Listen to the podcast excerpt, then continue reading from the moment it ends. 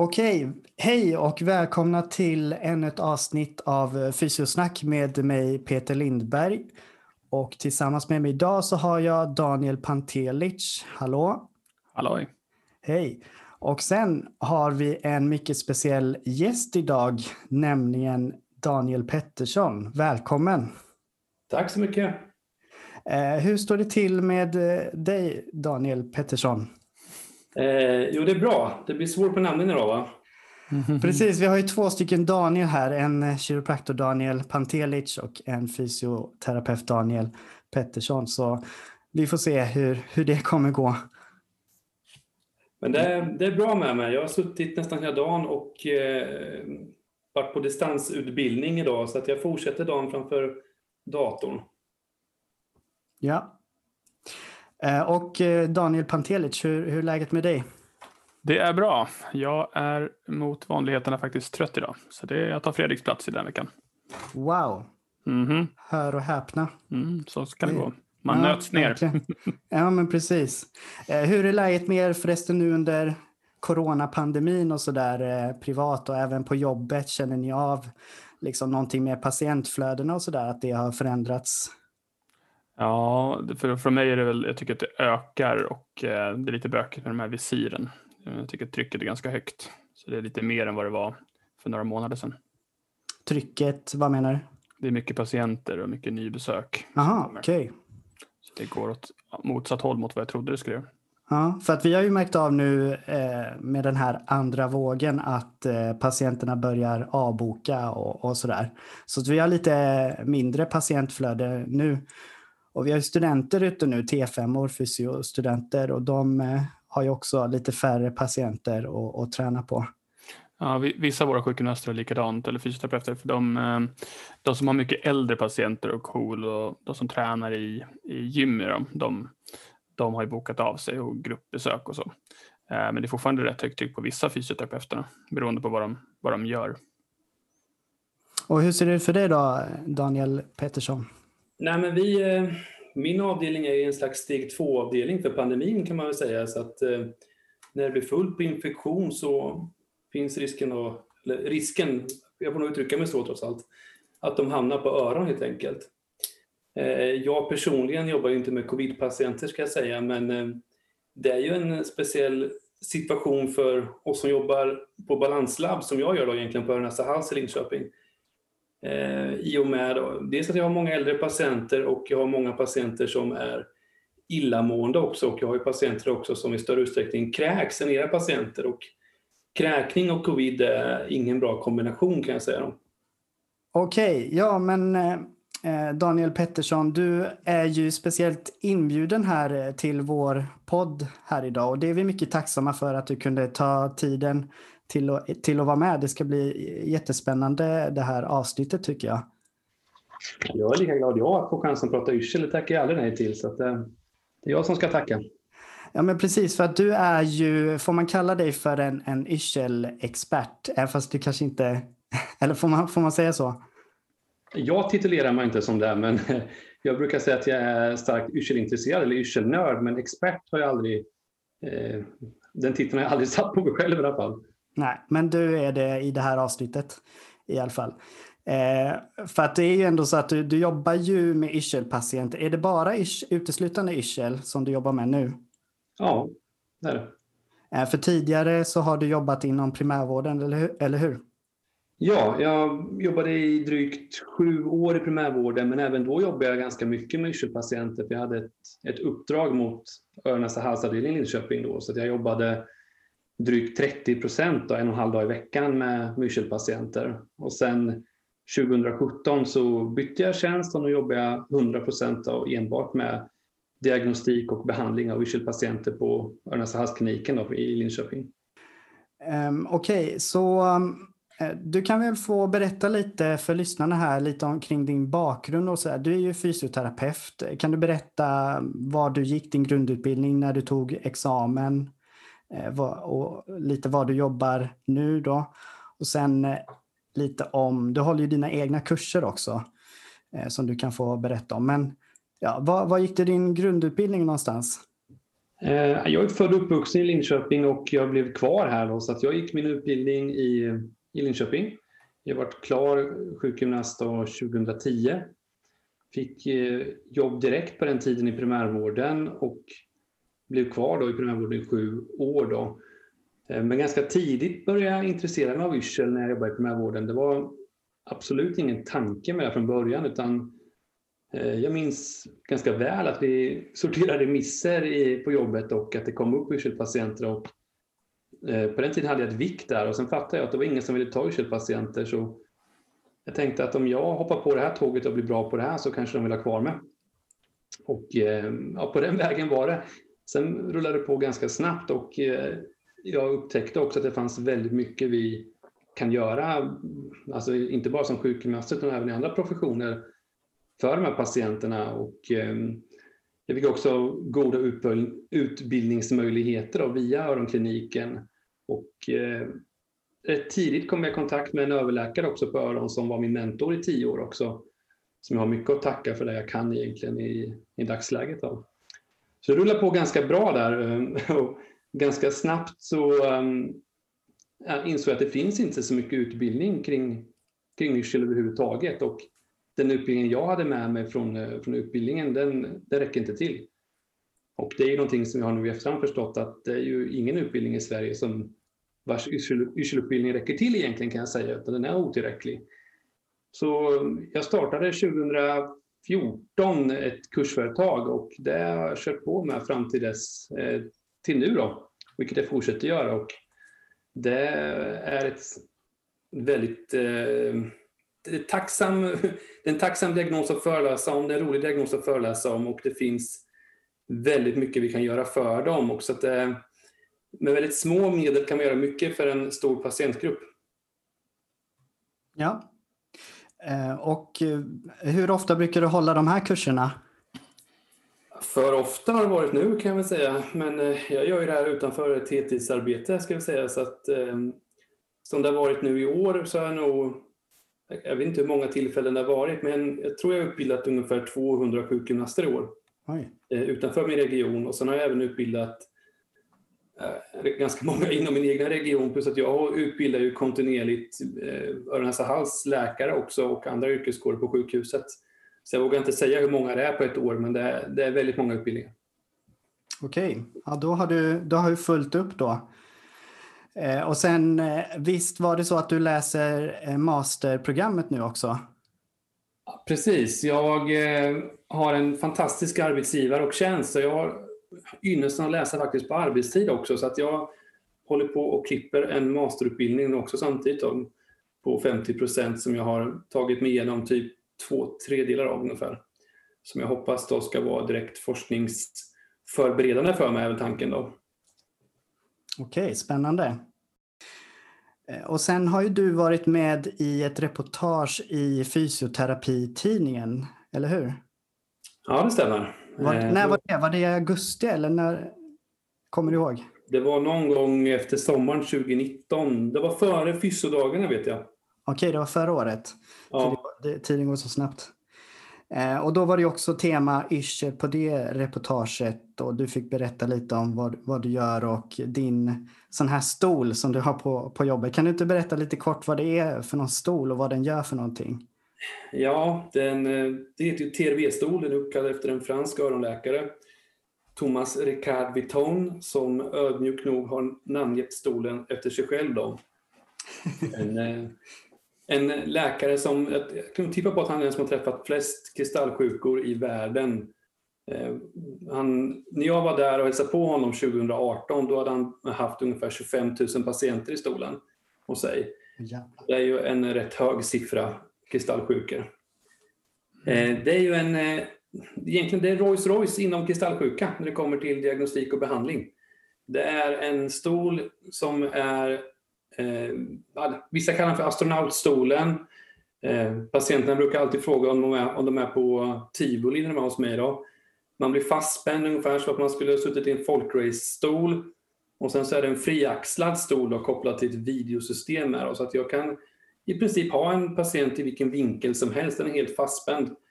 Ehm, och jag har det här kopplat till ett ganska avancerat system vilket gör att jag kan detektera nystagmus och andra saker väldigt enkelt.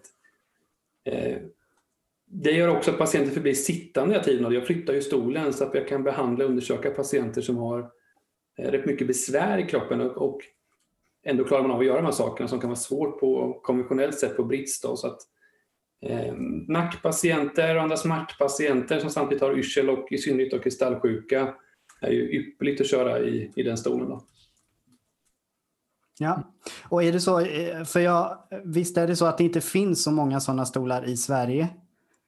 Nej, precis. När jag fick eh, chansen att köpa in den här var vi den andra. Då fanns det i Lund sen tidigare också då, på deras Örnästa hals. Och nu var jag för ett par veckor sedan faktiskt på, på Salgrenska i Göteborg och hjälpte dem vid deras installation. Så att nu har även Salgrenska införskaffat sen och jag hoppas och tror att det ska komma fler framöver för det är en fantastiskt redskap när det kommer till både undersökning och behandling. Ja, jag kan tänka mig det. Men är, innebär det också att det kommer långt farna patienter till dig för att ni har den här stolen? Eh, ja, det gör det ju. Tyvärr vill jag på att säga. För jag, jag, jag har ingenting emot det, men jag gillar inte egentligen att man ska behöva åka så långt för att få behandling för en så enkel åkomma. Då. Men jag har haft patienter från, från Skåne upp till Luleå, tror jag är det längsta som har kommit till mig. Wow. Det är ju en bit att åka ändå. Så att, eh, det, är ju, det är väl trevligt att de har ett sånt förtroende för det vi gör i Linköping, men det är också tråkigt att inte hjälpen har funnits någon annanstans tycker jag.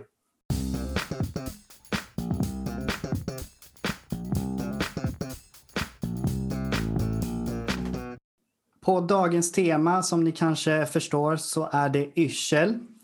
Och det är ju många, diagnos, många olika yrseldiagnoser, så vi kommer att fokusera på några utvalda. Eh, och jag tänkte att vi kanske börjar med att prata om den här godartade lägesyrseln, eller kristallsjukan som det också kallas, om det är okej okay, eh, för er. Eh, men jag tycker att det, det vore på sin plats att vi börjar med någon typ av definition eller försöker definiera, definiera vad yrsel är för någonting. Um, och jag önskar att jag kan få lite hjälp av, av dig, Daniel Pettersson, ifall du skulle kunna på något sätt förklara eller försöka definiera vad, vad är yrsel för någonting? Ja, egentligen är det en, en illusion av en rörelse. Sen så tror jag det kan yttra sig på många olika sätt vad egentligen patienten uttrycker för symptom. Då.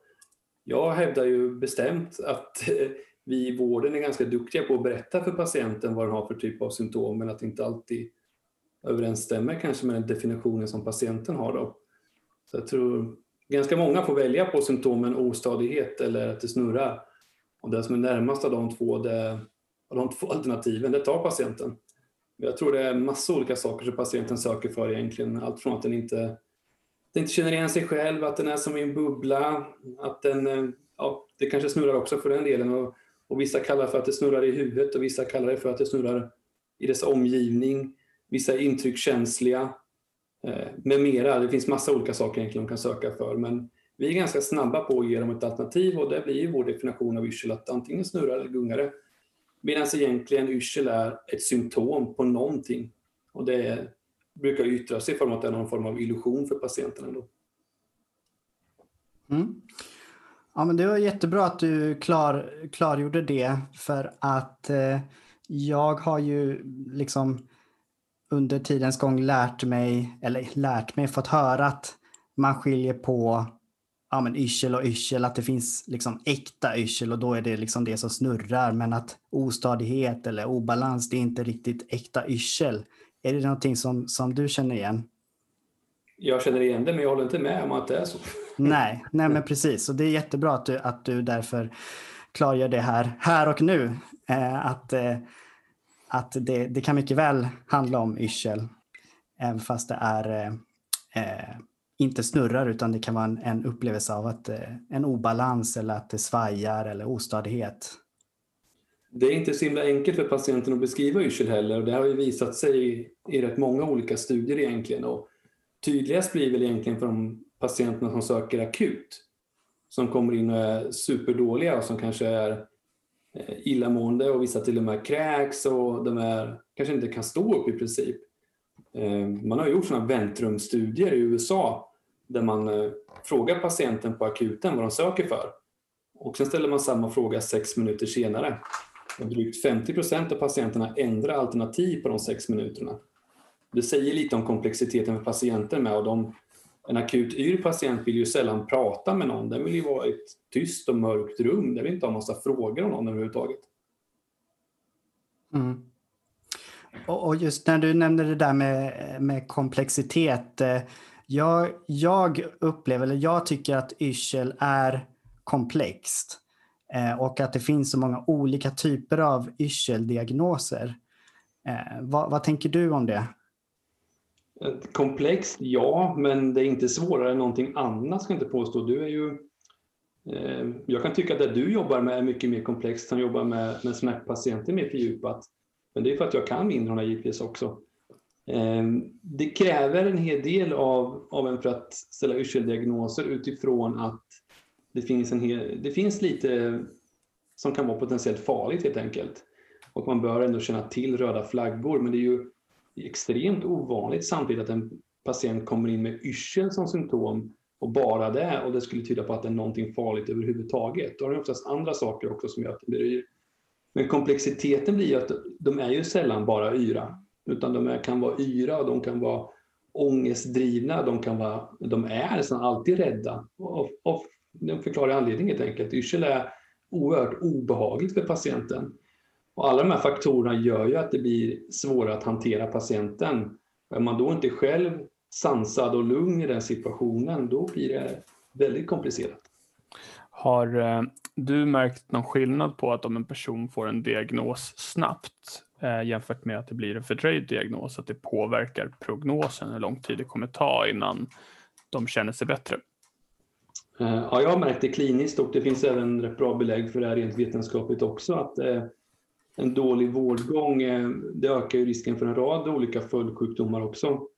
Eh, men även att det finns andra sekundära pålagringar som, de kan uppstå på grund av en, en felaktig eh, handläggning initialt. Då. Mm.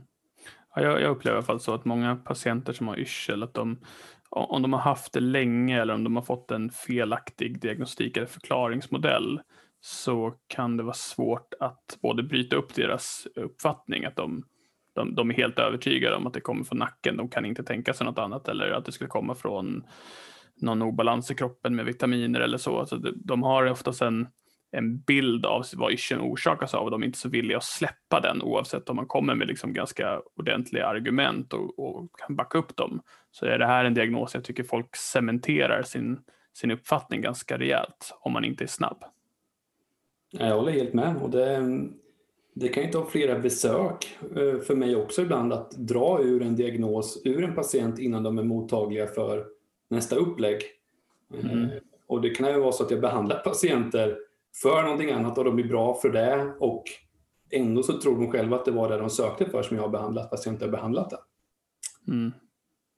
Ja, det är en svår. Vissa av de här yrselpatienterna de har också återkommande yrselbesvär och en del har fått behandling oavsett vilken behandling och så om den har blivit bra medan de har varit på den behandlingen så vill de gärna göra samma sak igen även om det inte finns någon egentligen möjlighet att det är det de har gjort som hjälpte dem utan att det antagligen var ett naturalförlopp. Ja, det tror jag. Framförallt när det kommer till kristallsjuka så tror jag att vi mm. i ganska hög utsträckning håller på att behandla naturalförlopp, det vill säga att vi, vi behandlar en sekundär pålagring av kristallsjukan och sen har vi flyt. att naturalförloppet verkar och då får vi vatten på vår kvarn och då är det ju såklart att eh, ja, men till exempel att det skulle kunna vara nacken som orsak eller någonting annat, vad det än må vara, mm. beroende på var man har hamnat nu då. Ja, men vi kommer in lite mer på cervikogen och sånt senare, men oavsett, det är komplext, precis som ni ni säger och det, du som har så mycket erfarenhet av det, det är ändå intressant att höra hur du ser på just det, att en felaktig diagnos i början, om det verkligen påverkar prognosen eller om det liksom bara, får man rätt så får man rätt.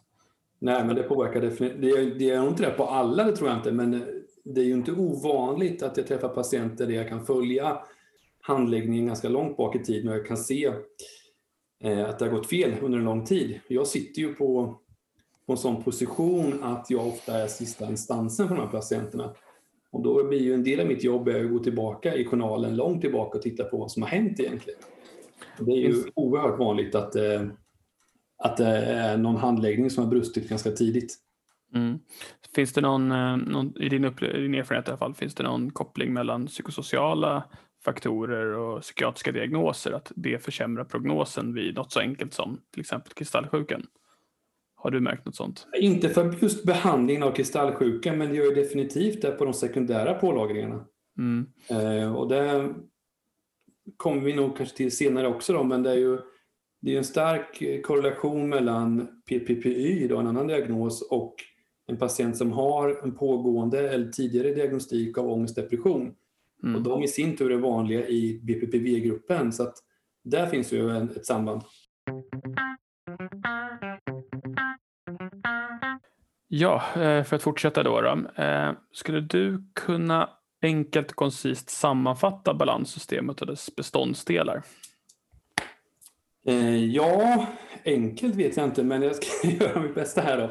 Jag brukar säga att det egentligen beror på, eller att det står för 3 plus 1 och då har vi ju trierna då blir örats, det vestibulära organet då, då och sen är det ju ögat såklart och det blir ju enklare om vi får, får se då, även om en blind kan gå också.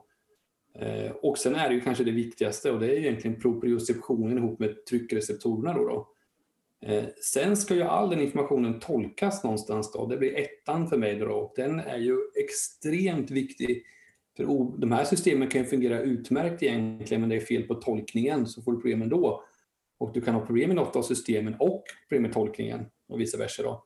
Så att det, det är både vad som händer i hjärnan när informationen kommer in och även att det ska vara att informationen ska stämma från alla de här organen då, för att det ska betraktas som jämvikt för hjärnan egentligen. Då. Mm. Skulle du säga att alla de här systemen behöver fungera optimalt för att eh, man ska slippa symptom eller finns det ett visst spelrum, att, en eh, buffert? Spelrum finns det ju och det gör det ju både i vårt, jag menar synen är väl såklart tänker jag, det är många mm. som har glasögon och liknande, att man har något brytningsfel eller något annat. Och i örat så finns det ju en när vi mäter av dem på balanslabb så finns det en, en slags buffertzon då, så att man behöver absolut inte ha 100% funktion i inrörat för att man ska uppleva att det är någorlunda frid för sinnet. Då, utan det finns en, en slags degeneration då, som är acceptabel i inrörat. Då. Och så är det ju, jag tänker, även för vår proprioception och för våra receptorer så sker det en degeneration där också. Så att samtliga system egentligen är tillåtande till en viss del. Mm. Det är intressant. Mm. Mm. Bra. Så om man nu som eh, patient eller person upplever yrselsymptom, vart i vården ska man vända sig, tycker du, Pettersson? Vad menar du? Ursäkta. Vi får ta om den bara. Ja, vi kan ta om det. Whisken satte sig fel. Ja, precis. Helt fel strupen. Okej, okay, jag tar ett försök. Ja. Ja, så om man nu är en person som upplever yrselsymptom, vart ska man vända sig inom vården för att få hjälp? Vad menar du med yrselsymptom? Då? Är det akut insättande av yrsel eller är det någonting man har känt över tid? Eller vad, vad tänker du? Ah, jag tänker eh, yrsel, man har yrselbesvär som, som ger en funktionsnedsättning på något sätt och, och leder till ett lidande och man behöver hjälp. Vart ska man gå? Jag förstår att det beror på, men vad skulle du säga? Liksom, vilka instanser kan hjälpa de här patienterna? Okej, okay, men då, då, då gör jag så här. Jag tar bort all akut yrsel nu, för akut yrsel ska ju till akuten. Så hastigt påkommen yrsel, med eller utan neurologi, som man inte vet vad det är, det ska till akuten egentligen. Nu tar jag de här som har haft symptom under en lite längre tid och tänker jag, och de ska egentligen initialt bedömas i primärvården. Sen är det inte säkert att det löser sig i primärvården, för det kan ju vara så att man upptäcker i primärvården att den här patienten eh, lider av en polyneuropati eller den här patienten har en eh, synnerligen svår eh, behandlingsresistent kristallsjuka eller någonting annat och då ska ju patienten vidare. Då beror det på vad man hittat. Då. Men generellt sett öron för det som är vestibulärt då kan man väl säga då, såklart. Då. Sen vill jag skicka in en liten brasklapp direkt där att det är inte så att om en patient har varit på en öronavdelning att det per automatik har träffat någon som är intresserad av yrsel. Så öron, näsa, hals är ju en, även en kirurgisk specialitet. Det är inte alls säkert att den läkaren som har fått till den här träffen brinner för just yrsel. Eh, och det, så är det säkert på andra avdelningar också, inte minst neurologen kan jag säga. Så att man är medveten om det.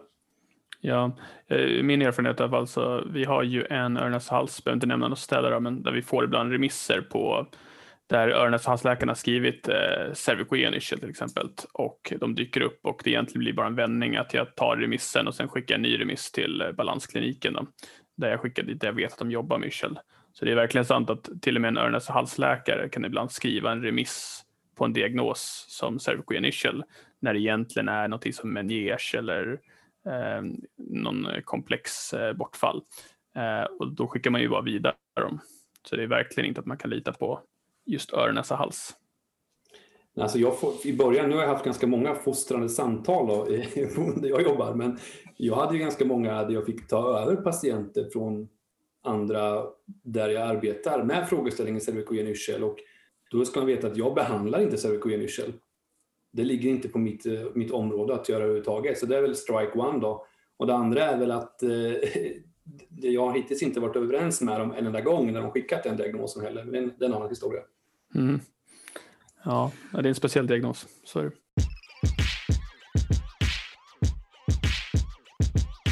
Men då så, då tänkte jag att vi ska fokusera lite på en diagnos som heter benign paroxysmal positionell vertigo, BPPV, även kallad godartad lägesyrsel, även kallad kristallsjukan.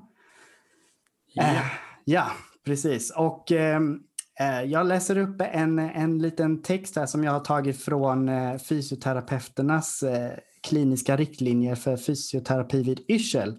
Och då står det så här att det eh, kristallsjuka innebär eh, en rotatorisk yrsel som uppstår kortvarigt i samband med vissa rörelser eller, eller lägesändringar av huvudet. En del personer kan uppleva en annan typ av yrsel som det inte beskrivs som rotatorisk utan även till exempel som en ostadighetskänsla eller illamående. Eh, har du någonting eh, att tillägga på den definitionen eller introduktionen, Daniel Pettersson? Nej, det har jag inte och jag tycker man ska framförallt ta fasta på det sista att det inte bara är rotatoriskt. För det är, jag skulle säga att det är vanligt att de här patienterna inte blir undersökta på grund av vad de beskriver för karaktär av yrsel. Så att de beskriver ostadighet och då kan de per definition hos många inte lida av kristallsjuka. Och det är helt fel kan jag säga, för jag träffar varje vecka patienter som har andra symptom, är rotatorisk och har kristallsjuka. Ja. Om vi börjar med eh, eh symptom Eh, på den här diagnosen godartad lägesyrsel eller kristallsjukan. Vad, vad, har man, vad har de här patienterna för symptom när de söker vård? Ja, de har ju oftast en, eh, ändå en lägesutlöst yrsel på något sätt. Det är det absolut vanligaste. Så att ska man fånga de här patienterna så det absolut bästa att fråga om egentligen det är om de blir dåliga, om de lägger sig ner eller vänder sig i sängen. Det är nog det som ger mest information faktiskt. Sen så kan de ha många andra saker, att de är ja, ostadighet, de kan ha ont i nacken, de kan vara illamående, vissa kräks också. Och sen är det en hel del andra sekundära problem. De är, ja, det kan vara rörelserädsla, sömnsvårigheter, de kanske har ont i vänster axel och så har de fått kristallsjuka på vänster bakre bågång. Så, och, eller på höger sida menar jag, och så måste de sova på sin onda axel. Eh, de kan ha en hel del oro, ångest, Eh, en del eh, isolerar sig faktiskt, så att de drar sig undan på grund av sin sjukdom. Ja, det, symptomfloran kan vara ganska stor egentligen. Det är inte bara att det är en, en yrseldiagnos. Ja, och vi bör ju också nämna att det finns olika typer av den här eh, kristallsjukan eller att det kan beroende på vad de här eh, kristallerna lägger sig i eh, vilken bågång och sådär. Kan du berätta lite mer om det? Ja, egentligen, man kan göra lite olika indelningar på kristallsjuka. Eh, dels utifrån bågång. Då, Man har ju egentligen sex olika alternativ. Det är ju spegelvänt och så tre bågångar på varje sida. Främre och horisontell och bakre då, då där bakre är kraftigt överrepresenterat och sen så är den horisontella och i sällsynta fall ska jag säga är det den, den eh, främre eller övre bågången. Då, då. Man kan också dela in det för att eh, det det, generellt, det absolut vanligaste är att det är lösa partiklar.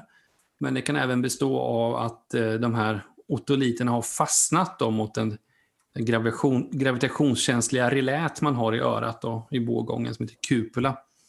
Då har man kupolitiasis, då, då, att det har fastnat mot kupulan. Annars har man kanalitiasis, lösa kristaller i kanalen. Då. Och Sen kan man också fundera på om man ska göra ytterligare en indelning, om man ska göra det riktigt svårt för sig. Då, då är det ju antal kristaller och storlek på kristaller. Men det finns ju inget test för det egentligen, då, men man kan tänka sig att det ändå spelar in då på vilka symptom patienten får och varför man ibland inte kan fånga en kristallsjuka på vissa ställen och varför man kan fånga den på andra ställen. Ja, och vilken av de här subgrupperna är vanligast? Bakre bågångskristallsjuka är ju i särklass det vanligaste. Ja, precis. Och eh, finns det liksom någon procent man brukar slänga sig med i runda slängor, liksom, hur vanligt är det med bakre? Alltså, jag tror att det är så här egentligen. Jag tror att horisontell bågång är vanligare än vad procenten säger. Och det beror egentligen på flera anledningar. Eh, för det första, det är väldigt många som inte kan varken diagnostisera eller behandla den bågången. Och då blir det bakre. För att man, patienten blir också yr oftast vid testerna för bakre bågång när det är horisontell bågång. Eh, och för andra så är det mycket bättre naturalförlopp för den bågången så att man kan få det och sen så jag brukar säga att den bästa behandlingen för horisontell bågång är ju vårdkön. För att får de vänta två veckor så är det, då är de oftast bra då, när det kommer till den bågången. Men i, någon, i runda slängar, säg att 80-90% ungefär är, är bakre bågång och resten horisontell. Och det här är ju vad jag har förstått en av de mest vanliga yrseldiagnoserna, stämmer det? Ja, absolut. Det är den vanligaste. Och hos mig står den kanske för ja, 60-70% av min kliniska vardag. Okej. Okay. Och, och, det är de här patienterna som oftast då får åka till akuten? Eller? Det, ja, kanske... säkert. Men det, de, det, de ska ju egentligen inte till akuten, men de hamnar säkert där i viss utsträckning. Eh, fram, framförallt kanske vid första insjuknandet. Då, då Det är inte alls säkert att de åker dit vid andra, tredje, fjärde insjuknandet beroende på vart de kommer ifrån och kanske också vilken hjälp de fick på akuten. Då. Mm. De här ska ju egentligen inte behandlas på akuten, det är ju inte det som är meningen tycker inte jag. Mm. För jag tänkte just på det här med att det kan ju inträffa ganska snabbt eh, att man insjuknar, att det kommer plötsligt och då kan man få en yrselattack och då är det såklart man blir orolig och så kanske man åker till akuten då. Ja, precis. Absolut, det är ju ingen ovanligt. Det du beskriver är inte ovanligt på något sätt. Samtidigt då så är de ju inte akut yra kontinuerligt utan de har oftast fått en yrselattack. Eh, och sen kan väl den ha satt sina spår då. Eh, man kan ju, ibland beskriver ju patienten att den är fortsatt yr men den egentligen är rädd eller skärrad eller har ångest eller har hjärtklappning av den tidigare yrselupplevelsen. Då, då. Och då beskriver man hjärtklappning och ångest och andra symptom och yrsel. Då kommer man nog få rekommendationer av de flesta att åka till akuten. Ja. Och jag läste att det är majoriteten, eller det är fler kvinnor som drabbas. Jag läste någonstans eh, 70 procent eh, kvinnor jämfört med 30 procent män.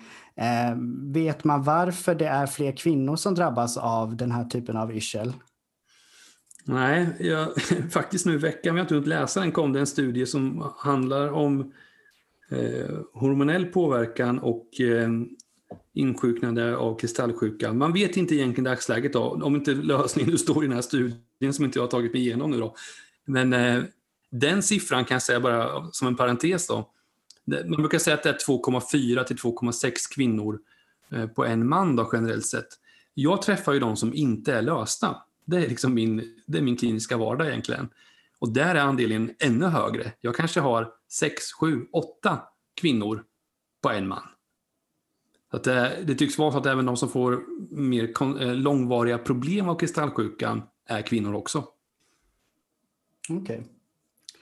Okay. Finns det några andra riskfaktorer för att utveckla den, eh, kristallsjukan? Eh, ja, det gör det ju. Eh, framförallt eh, har man haft det förut är ju en riskfaktor, ska jag säga då. Tyvärr. Men annars är ju kön är ju en riskfaktor, ålder är en solklar riskfaktor.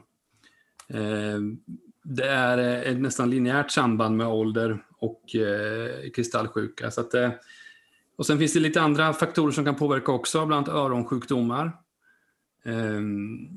både pågående och tidigare öronsjukdomar ger en ökad risk för kristallsjuka. Så att man ska vara varse om det om man träffar en patient som har, ja, men till exempel som har Meniers sjukdom eller som har haft eh, eh virus på balansnerven. Så är det, de, de har en större risk att insjukna senare i kristallsjuka helt enkelt. Okej. Okay. Eh, men det här med åldern där, att det var ett linjärt eh, samband nästan. Eh, menar du alltså att risken ökar ju äldre man är att drabbas av det här? 30 procent av de som har kristallsjuka är mellan 70 och 80 år.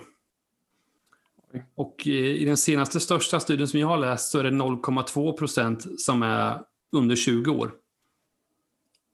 Okej. Okay. Kan man då liksom säga att, vad ska man säga, det finns ju en eh, diagnos som heter åldersrelaterad yrsel. Eh, du får rätta mig om jag har fel, men, men eh, kan man då tänka sig eftersom att risken är högre just i högre ålder att, att det är odiagnostiserad godartad lägesyrsel det kan handla om? Ja, det, det är jag helt övertygad om att det är hos rätt många. De träffar jag varje vecka på min avdelning. Så det, rent kliniskt vet jag att det är så och det finns även studier som pekar på att eh, många äldre har accepterat diagnosen ålder.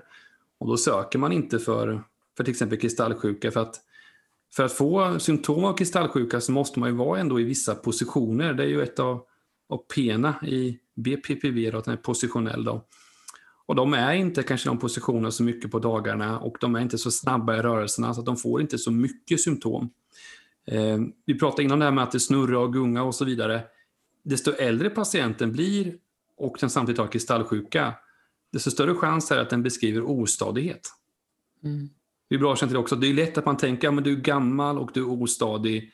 Då ska du få en lite bra, schyssta balansövningar av mig här. Och det är väl snällt och så, men det, det, kan ju vara så pass enkelt också att de i kombination med det ska ha en ordentlig utredning och en, i bästa fall en, två manöverbehandlingar så de, har vi tagit bort en hel del symptom från dem. Men eh, vi som jobbar i primärvården då och inte har tillgång till de här Rolls Royce-stolarna. vi har ju balansgrupper. Vi har ju många äldre och de, de placeras ju där på balansskola. Och det är, jag tror inte det är någon som gör någon, någon eh, Dix Hallback manöver på dem inför en balansskola. Om man gör det på en äldre som har lite sådär, har de då lika kraftiga svar eftersom de hållit på så länge eller kan de vara svåra att upptäcka på liksom, hur vi kan med våra resurser undersöka dem?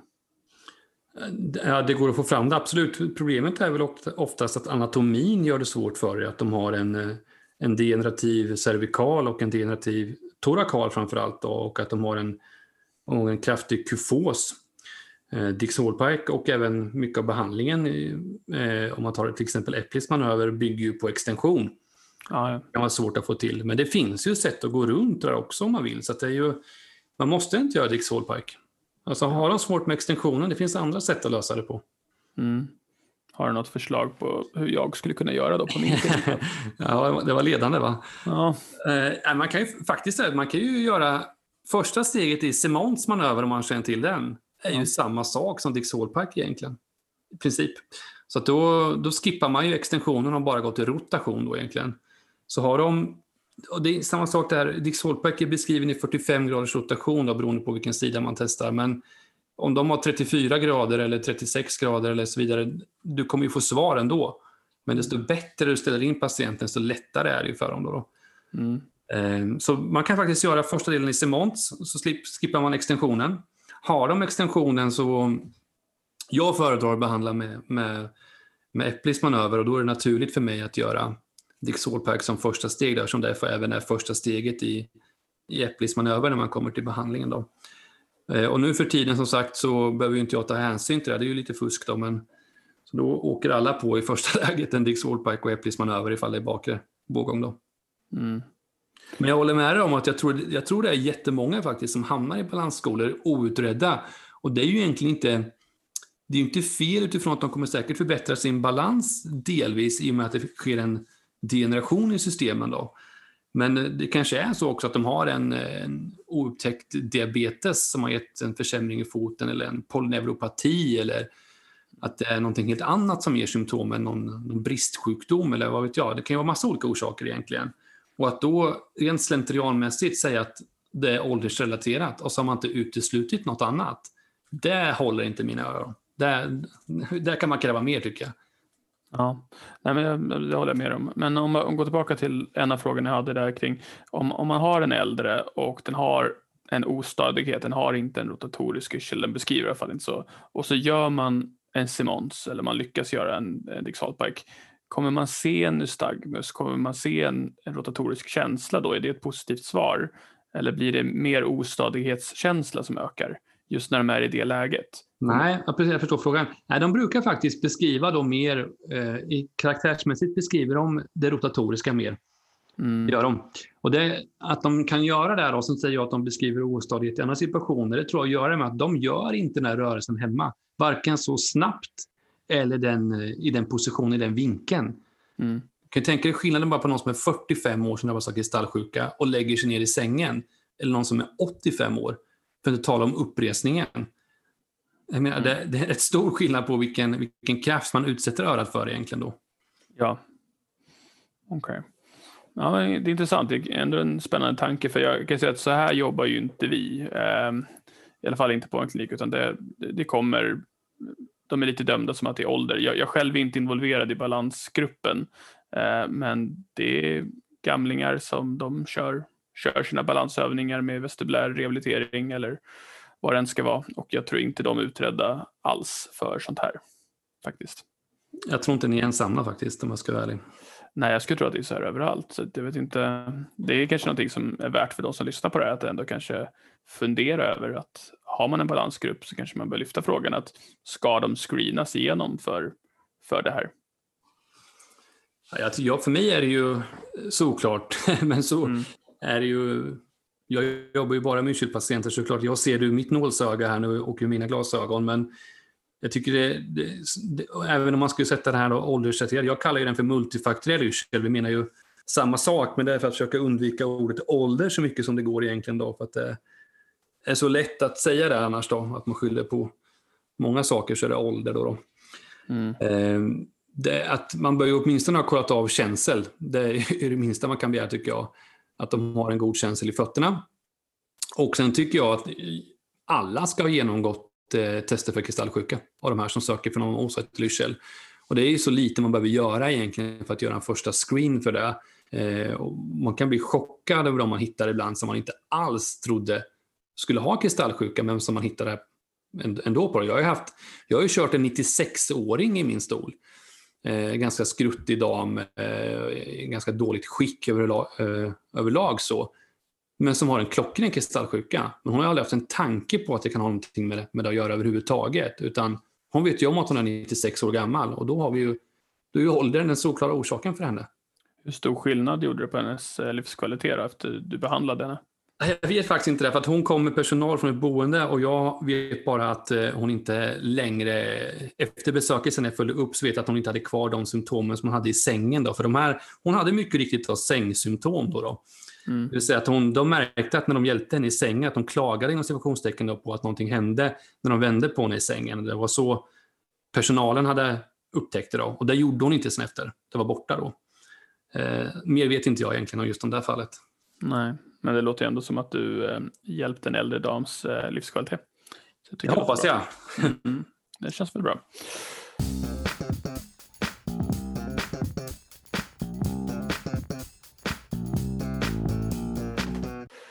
Ja, eh, sen också det här eh, vid, BP, vid BPPV så ska man ju ha den här nystagmusen då, att det ska slå. Eh, och ibland när man gör den där så får de rotatorisk yrsel men man har ingen nystagmus och man har inte de där glasögonen. Hur mm. viktigt skulle du säga att nystagmus är för diagnos? Det är det enskilt viktigaste symptomet egentligen om man kan få fram för att mm. den kan inte ljuga då, utan inrörat har en lagbundenhet. Och mm. det egentligen är det ju inte, om man gör Dix-Hallpike på patienten och man ser nystagmus, det är inte ett tecken på per automatik att det är kristallsjuka, utan det man ska titta efter att det är den nystagmusen som är kopplad till den bogången egentligen. Mm. Och visserligen så skulle man kunna tänka sig så här, okej, okay, det är så sällan det är någonting annat och det vanligaste är bakre bågång, så ja, jag kör, jag kör Eplis på alla, så kommer du kunna bota ganska många också. Samtidigt, det är inte jättejobbigt att komma ihåg hur du ska slå kan jag säga om man kan de reglerna för hur bakre bågång ser ut så behöver man kunna en till regel och det är hur, hur horisontell bågång ska slå. Då är det två regler. Och ska man ändå hålla på med München-patienter så tänker jag att de två är inte omöjliga att komma ihåg egentligen då. Så har de inte nystagmus och men patienten är yr, då tror jag att det kan bero egentligen på, i grova drag, två orsaker. Det ena är att de inte längre har kristallsjuka, men de lider av att de har haft det. De har så att säga ett yrselminne. Att de är rädda att hamna i den positionen och då beter de sig som att de har kristallsjuka. Mm. Det andra är att du träffar patienten kanske en eftermiddag. Mm. Är nystagmus uttröttbart? Det är lite ledande ja. fråga, men det är något som jag märker att många kollegor inte riktigt vet om. Um, hur mycket påverkar det vid testningen? Ja, det kan påverka ganska mycket faktiskt. Jag har en hel del exempel på när jag träffar patienten en eftermiddag och eh, jag testar, testar, testar och det låter så himla mycket som en kristallsjuka. Och sen får jag inte träff och sen så bokar jag om dem en morgontid och så är det klockrent. Mm. Men det, det, leder ju ändå till att man kanske borde planera in de här alltid på förmiddagar eller morgontider.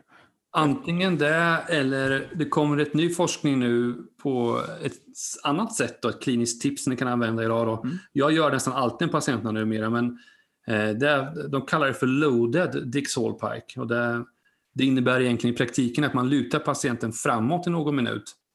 Tanken är att man ska liksom samla ihop så mycket otoliter som möjligt till ett ställe när man böjer dem framåt, för att sen lägga dem bakåt. Då. Det är ganska enkelt liksom att när man håller på med patienten på britsen att man låter dem böja huvudet neråt först. Det behöver inte, ta, det behöver inte ens ta en massa extra tid egentligen utan man bara sätter med den positionen. Eh, och man kan även börja Dix Wallpack i flexion för att få till liksom en, en ännu större svung om jag uttrycker mig så. Då. Ja. En ännu större rörelsebana för dem. Då, då. Mm. Du, jag har ju förstått att du kör ju liksom all in på dem när du kör Dix Wallpack. Ja, är man kiropraktor i grunden så är man ju snabb i händerna. Så är det ju. ja.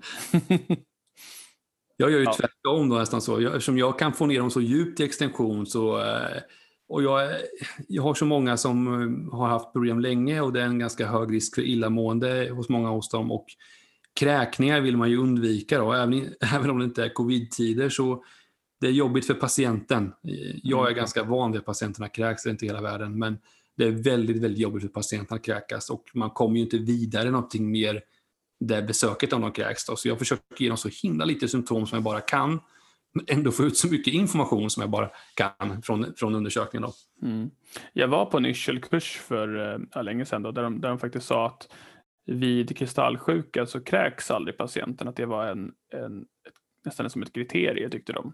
Att det var, om det var att man kräks då var det liksom det här viruset på balansnerven. Annars så behövde man inte oroa sig för kristallsjuka. Alltså att man behövde inte oroa sig för att de skulle kräkas. Och jag har aldrig varit med om att någon har kräkts, men då, det har du då. Ja, verkligen. Eh, det har jag. Varje månad är det någon som kräks.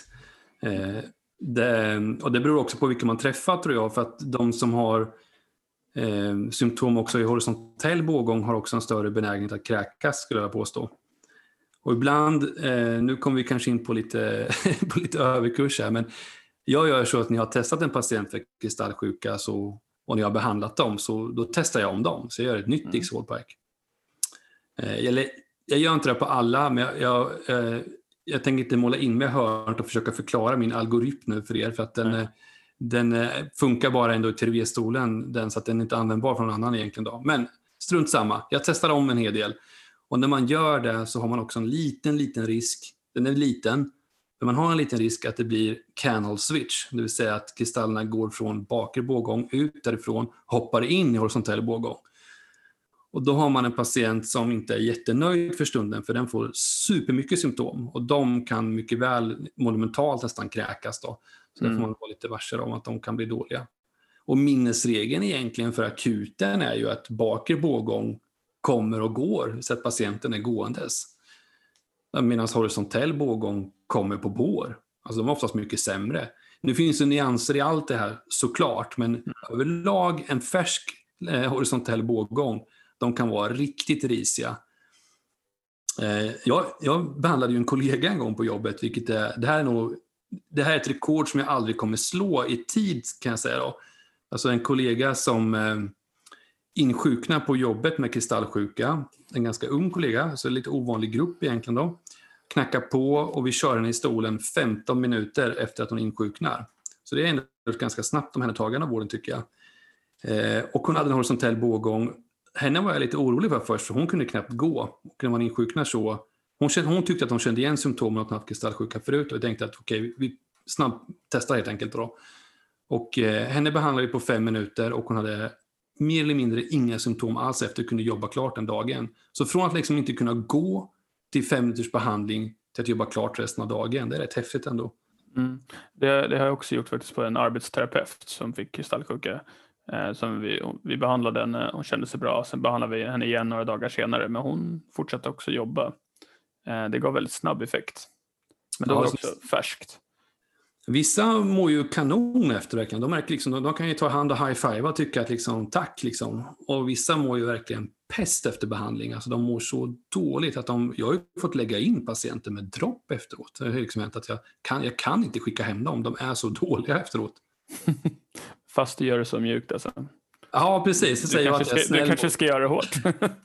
jag är snäll mot dem och sen så får jag lägga in dem med dropp efteråt. Det låter inte helt sant, eller hur? Nej, nej, det låter som att det är någonting du inte berättade. Så är det.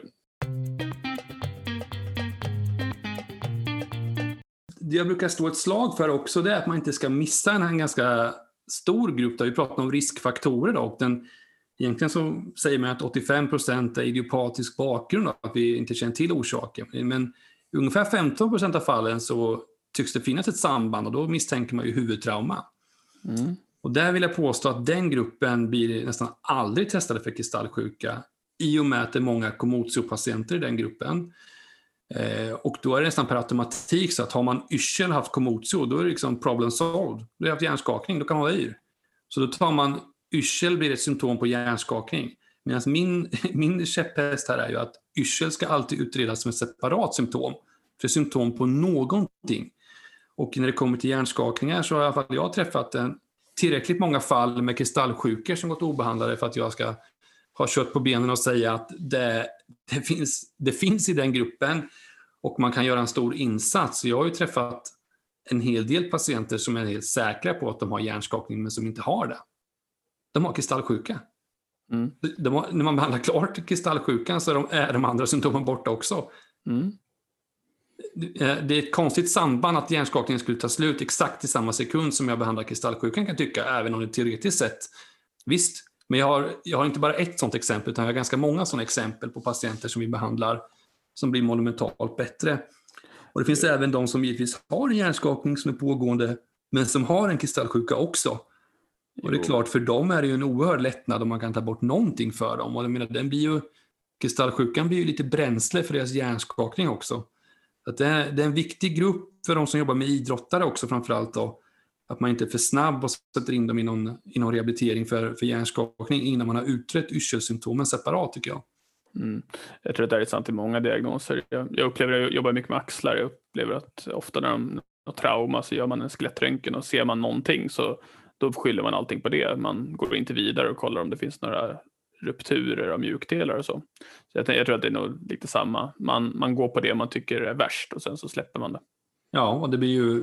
Det, alltså när man kan, paketera, kan man paketera yrsel till patienten så är man liksom lite färdig då för patienten. Att, lite som att man ställt... Ja, men nu, vi har pratat lite om nack innan, men säger man att det är någon, man ger en orsak till yrseln, då nöjer sig patienten där.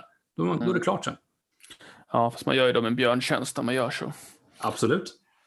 Så gör vi inte. Inte vi. Ehm, då så. Peter, har du någonting du vill tillägga eller fråga om BPPV? Ja, jag tänker vi har fått in några frågor här sedan tidigare också via primärvårdsgruppen på Facebook. Ehm, och då var det någon som undrade hur man behandlar eh, kristallsjuka då kristallerna har hamnat i den laterala eller horisontella bågången. Och vi kanske också skulle prata lite om hur man behandlar den främre. Eh, men om vi börjar med den eh, horisontella bågången, hur, hur, vad är behandlingen för de patienterna? Det finns ju en rad olika manöverbehandlingar egentligen för alla bågångar och oftast är det inte tal om rätt och fel utan det är nog mer där man blir bekväm med att använda så gör man det. Sen kan det finnas olika anledningar till att man använder en manöver eller inte. Och det, jag utgår oftast, eller framförallt förr, så utgick jag från patientens anatomi helt och hållet.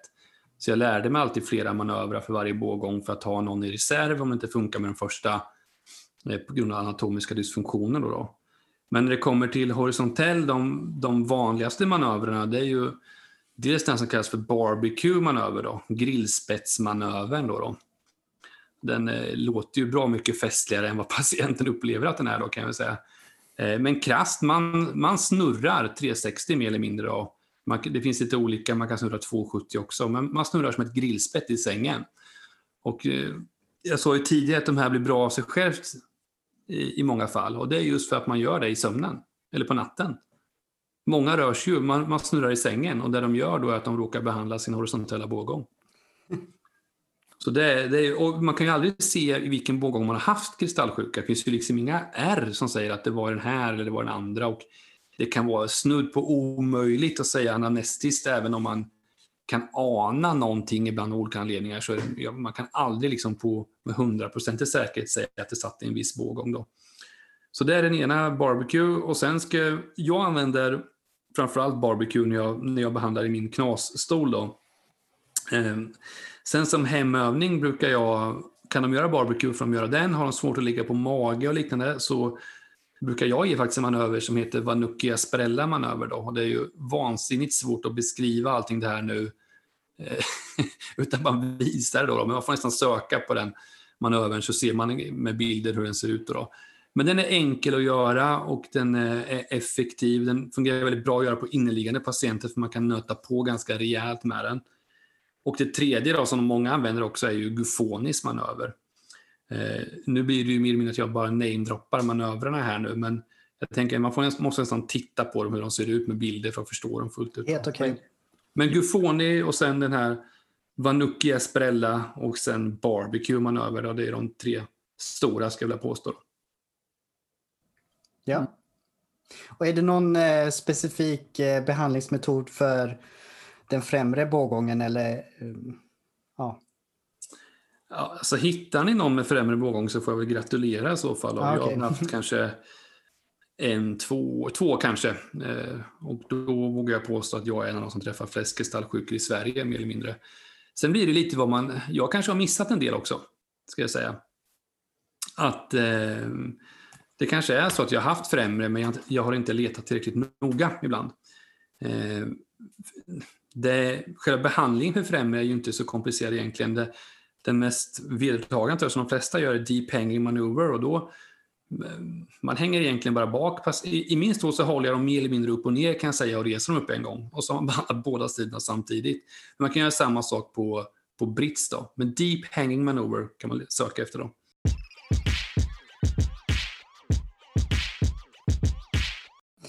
Sen hade vi en fråga också om man faktiskt eh, knackar tillbaka de här otoliterna. Eh, alltså att man liksom hjälper dem ut från bågången och eh, ut ur systemet så att kroppen tar hand om det på något sätt.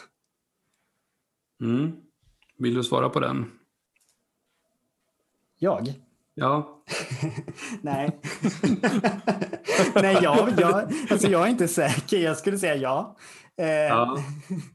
Ja, det, det, är väl egentligen ingen som vet till 100 procent vad som händer faktiskt. Det är ju lite lurigt det här för att eh, de här kristallerna sitter ju i, i hinsäckarna i från början. Då, och då har man två hinsäckar, eh, utriculus och sacculus. Rent anatomiskt är det ju klart störst sannolikhet att det är kristaller från utriculus som ställer till det. Det har absolut ingen betydelse egentligen, men det, det ser ut så anatomiskt helt enkelt. Då. Eh, alltså, det är ju inte kristaller egentligen, det är ju stenar. Om man ska vara... Otolit betyder ju sten på grekiska, så det är ju öronsten som, som lossnar då. Och de här stenarna eh, består av kalciumkarbonat och av, av eh, eh, ett annat innehåll med proteiner. Så att det, det är ju, på ett sätt är det ju dött materia. Jag skulle vara förvånad om man liksom fick ut någonting som har lossnat någonstans så att det liksom målsöker sig tillbaka till exakt position, limmar fast sig själv där igen och sen allt frid och fröjd. Det tror inte jag. Det, jag tror inte att de flesta som håller på med, med den typen av forskning tror inte det heller i dagsläget, utan jag ska påstå att den, den mest gängse teorin som är nu egentligen är att man får ut kristallerna. Och det man har sett egentligen är att det finns en skillnad när man mäter aktiviteten i hinsäcken då, före och efter behandling. Så någonting tycks hända där. Men det innebär inte egentligen att per automatik att den har fastnat någonting nytt där, utan det kan vara att någonting har hamnat där. Jag tror ju att de löses upp. Och det, det, det sker ju ett, ett slags eh, en nybildning av kristaller och en, en eh, det, kroppen verkar ta hand om kristallerna per automatik i många fall. Det, det finns en löslighet i den här endolymfan. Då. Det har man sett i rätt många, eller man har, man har forskat en del på grodor, då, då, bullfrogs. Och då kan man mäta när en sån här otolit löses i endolymfan och vad som kan göra att den inte löses upp också. Då. Eh, och då, vilket har med koncentrationen och olika egenskaper av endolymfan. Då. Men det är ändå det mest troliga tror jag, att man får ut det och sen så löser kroppen upp det och sen så städas det då eh, i örat automatiskt egentligen. Då. Mm. Ett långt svar på en kort fråga. Ja, nej, men det var jätte, jättebra svar tycker jag. Jag lär mig massa grejer här nu, så det, det är toppen. Okej, ska vi eh, prata lite bara om prognos tycker jag är bra också gällande den här kristallsjukan. Eh, hur är prognosen generellt sett för, för de här patienterna? Den är fantastiskt bra skulle jag påstå. Om man, eh, om man gör rätt behandling för dem så att man utför den rätt så är prognosen extremt god. Och eh, för de allra flesta så krävs det ju två behandlingar så är man frisk. Sen så kommer ju någon skrika, någon patient som hör det här, någon annan och tycker att det stämmer inte alls. Nej, klart att det finns undantag, men om vi ska ta på en, på en generell basis så är det två behandlingar rätt utförda så är man frisk. Sen kan man ju lida massor av att man har haft kristallsjuka och man kan ha utvecklat andra problem. Men själva kristallsjukan, den är extremt potent behandling. Det är en av de mest potenta behandlingarna vi, vill ha, vi har i vården skulle jag påstå. Mm. Mm. Ja. Och eh, om man nu inte får diagnosen och inte behandlas. Eh, en, en del kan ju gå över av sig själv om jag har förstått det rätt. Eh, men hur länge kan man liksom annars gå runt med de här symptomen om man inte får rätt eh, behandling?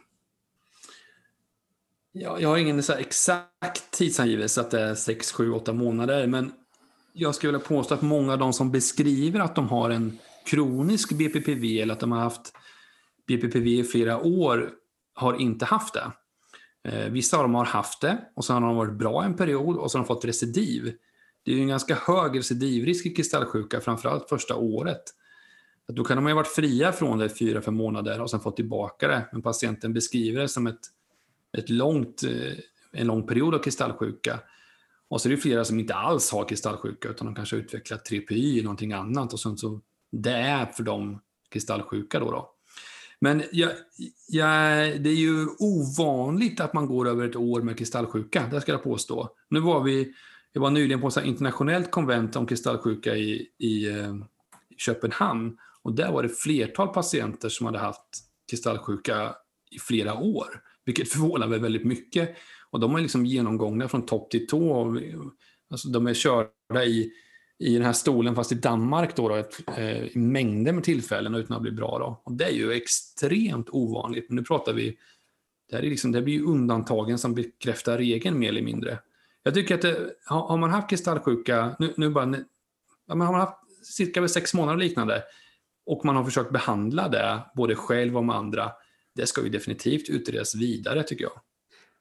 Finns det någon risk med att, mm, alltså om man går runt med, med eh, kristallsjukan som inte blir behandlad, finns det någon risk med det, att, att inte bli behandlad? Ja, det finns, det finns en, en studie gjord nu ganska nyligen som visar på att om man har gått med den en längre tid så tycks man vara lite mer svårbehandlad faktiskt. Jag kan inte riktigt förstå varför egentligen, eftersom det är samma mekanismer kring behandlingen, men det tycks vara ändå så att det, har man gått med dem en längre tid så kan det vara svårare att få till manövrarna, att få dem att verka helt enkelt. Sen är det ju framförallt den, den stora risken, ska jag påstå, är ju den andra eh, samsjukligheten med andra saker egentligen. Att man utvecklar allt från rörelserädsla till andra isoleringar, sömnsvårigheter, ångest. Alltså den biten. Och den kan ju bli mycket mer långvarig än själva kristallsjukan. För att jag, jag tycker nu när vi har pratat här så, så hör jag många paralleller mellan yrsel och smärta. Eh, och just det här med att det är input och sen är det hjärnan som bearbetar och så blir yrsel liksom som en output. eh, precis som smärta. Eh, men då tänker jag liksom, om man nu går runt med de här otoliterna som ligger i bågångarna och liksom, inom citationstecken irriterar eller liksom faciliterar eh, liksom, systemet. Att det, eh, om man tänker smärta, det kan ju bli liksom som en central sensitisering av själva det centrala nervsystemet och att de här signalerna kan förstärkas och sådär. Eh, kan man tänka sig att det kan bli något liknande just om, om man går runt och inte behandlar så att det blir någon typ av sensitisering av systemet?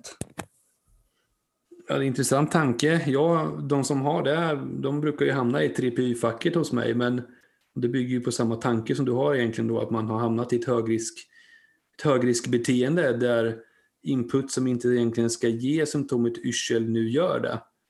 Precis som en, för en smärtpatient egentligen då. Eh, men det, jag kan inte säga att de att en kristallsjuka i sig, till 17, jag förstår vad du menar, men jag har inga belägg för att säga att det är så egentligen. Jag tror, att, jag tror att det kan vara farligt att eh, försöka se med samma glasögon på det. Jag, jag tänker att det är klart att en, en katastroftänk och liksom att det kan bli en, en ökning med yrselpatienter har ju mer att de vänjer sig, att det blir mindre och mindre, att det är liksom mindre mindre nystagmus, mindre mindre yrselkänsla ju längre tiden går, att det blir svårare att upptäcka det det är lite motsats mot smärtpatienter på något, på något vis, tänker jag. Så länge de inte utvecklar tripi håller jag med att ja. det går rätt håll. Annars kan det ju gå åt fel håll där med. Men det är ju en jättestark koppling mellan yrsel och det limbiska systemet i kroppen. Som, mm. Precis som för smärtpatienterna egentligen. Men är det, på, är det på upplevda symptom? Alltså att de, känner, att, de, att de upplever det som mer snurrande eller att de mer upplever det som mer obehagligt? Alltså själva det limbiska reaktionen, att du tycker något är obehagligt och liksom ger ångest? Eller är det mer att de känner sig mer snurrar, snurriga eller oftare snurriga? Både och kan det vara egentligen. Då. Men de, de har ju mindre... Det krävs ju mindre stimuli för att de ska uppnå själva liksom aktionspotential och rädsla. Alltså det krävs inte så mycket för dem. Det, alltså för, om, om man tar, nu kommer vi in lite egentligen på kanske resonemang kring 3PI, men om jag står på ett hustak och tittar ner och står på kanten, det krävs ganska lite för mig att röra mig för att jag ska tycka att det är oerhört obehagligt. Och det är för att jag är i ett läge där min kropp och tolkar det som ett, hög, ett högriskbeteende för mig egentligen då, att jag är mm. i en situation av potentiell fara. Tänk dig samma symptom fast du står på marken. Att du har så lite att ta av, att du, du behöver bara vingla pyttelite. Och så får du samma påslag som du får när du står på ett hustak. För så är det ju för många TPY-patienter. Det är ju fruktansvärt för dem egentligen. Då. Då tänker man att det skulle ha mer med liksom psykosomatiska, alltså en förstärkning helt enkelt. Inte psykosomatiskt, det är ett funktionellt symptom egentligen då. De, de, de har ju faktiskt uppmätta, en terapipatient har ju uppmätta skillnader i hur den aktiverar muskulaturen. Alltså den har en annan aktiveringsmönster i, i underbensmuskulaturen. Samma aktiveringsmönster som du och jag har när vi befinner oss i en fara har de när de befinner sig i egentligen en situation som inte är en fara, men de har tolkat det som en fara. Mm. Ja, det låter och, väldigt mycket som smärtpatienterna då. Ja, och vi får ju um, prata mer om 3PI-diagnoser vid ett annat avsnitt, tänker jag. Ja. ja. Uh, men ska vi försöka avrunda det här nu uh, med uh, kristallsjukan? Finns det någonting annat som ni skulle vilja tillägga som vi inte har tagit upp eller sådär gällande kristallsjukan? Jag hade väl mer en fråga igen där gällande de här som är väldigt kroniska, de här lite ovanliga varianterna. Finns det någon teori om att just de är att, eh, de här, att det är någonting med själva lymfan då, endolymfan, att det är eh, att det inte bryts ner eller att kristallerna har blivit så hårda att de kommer inte falla sönder, precis som vissa kalkaxlar Mm, intressant. Jag, jag gick med en liknande frågeställning till en av våra kirurger för ett tag sedan frågade, finns det möjlighet att knycka lite endolymfan när ni är inne några öron och opererar? för att just mäta det här som du pratar om egentligen. Jag tänkte också, kan det vara så att vissa har benägenhet att få eh, dels att de får kristallsjuka oftare och när de väl får det är de svårare att bli av med det via ett tänkt naturalförlopp då, att det skulle ha att göra med koncentrationen i endolymfan. Men för att få lite perspektiv på det här då. Det här relät som sitter inne i bågången som heter kupula. Mm. Som är alltså den tjocka delen om man tittar på en anatomimodell av innerörat. Den är från, från topp till botten 1,2 mm. Och kristallerna är i mikromillimeter. Det är så extremt litet i, in i ett inröra. Då, då. Det är mycket liksom skal och lite kanal i dem, jag uttrycker mig så. Då. Så att, att, liksom, att lyckas extrahera en vätska som bara är den vätskan där de, han ansåg det var mer eller mindre omöjligt. Men jag, eh, det är intressant att du säger det, för jag har tänkt, jag har tänkt liknande tankar själv. Kan det bero på det här? Och rent teoretiskt, ja. Men jag har inga befog för det längre än att jag har tänkt tanken. Men vi kan spekulera vilt. Absolut, det kan vi göra. Men det gör vi. Det, gör vi. det är ändå onsdag. Bra. Jag, jag kom på en, en fråga faktiskt. Ja. En, en sista fråga och kanske den viktigaste. Eh, vad tror du om eh, stötvågsbehandling för att eh, bomba sönder de här otoliterna en gång för alla? Eh, när de är lösa eller när de sitter i insäcken? ja. eh, bra fråga. För att grejen är att det verkar som att man kan bli av med ganska många kristaller i insäcken utan, på tal om med degeneration då. Jag såg någon studie de hade gjort nu, eh, den var i och för sig gjord på djur då, men då hade de gått ner och tagit bort nästan 80 procent av otoliten och ändå verkar det funka rätt bra. Då, så man tycks ju ha en ganska stor överkapacitet i den. Då. Men du är, du är närmre en behandling än vad jag tror att du vet om. För man kan ju få det att det fastnar kristaller mot kupulan. Och där använder man sig ju av vibration. Och det är ju som stötvåg. Men det är ju för att få kristallerna att lossna. Så att du, du är närmare än vad du tror när du ställer frågan. Ah, intressant, intressant. ja, mm. eh, ja det, den frågan var ju mest egentligen ställd eh, som, lite på skoj, men, men också så här, ja, why not? Eh, mm. Det är säkert inte så trevligt eh, dock. Eh, men ja. Man, man vibrerar ju på mastoidbenet bakom örat. Eh, testa det på er själva någon gång får ni, om ni vill ha en liten annorlunda upplevelse. Jag har mm. kört stök på, stötvåg på mina käkar. Det var inte så skönt. Nej, jag kan tänka mig att det är liknande. Varför gjorde du det? Ja, nej, men jag, jag har lite mm. problem där. Okej, bra hörni, men en, bra jobbat. Tack så hemskt mycket Daniel eh, och Daniel för er, ert deltagande i den här eh, diskussionen kring eh, kristallsjukan. Och jag tänker att vi ska försöka ge oss på cervikogen yrsel härnäst. Om det låter mm. okej okay för er. Det låter bra. Det är helt okej. Okay. Perfekt, men vi tar en, en liten jingel och en kort paus. Ja. Yeah.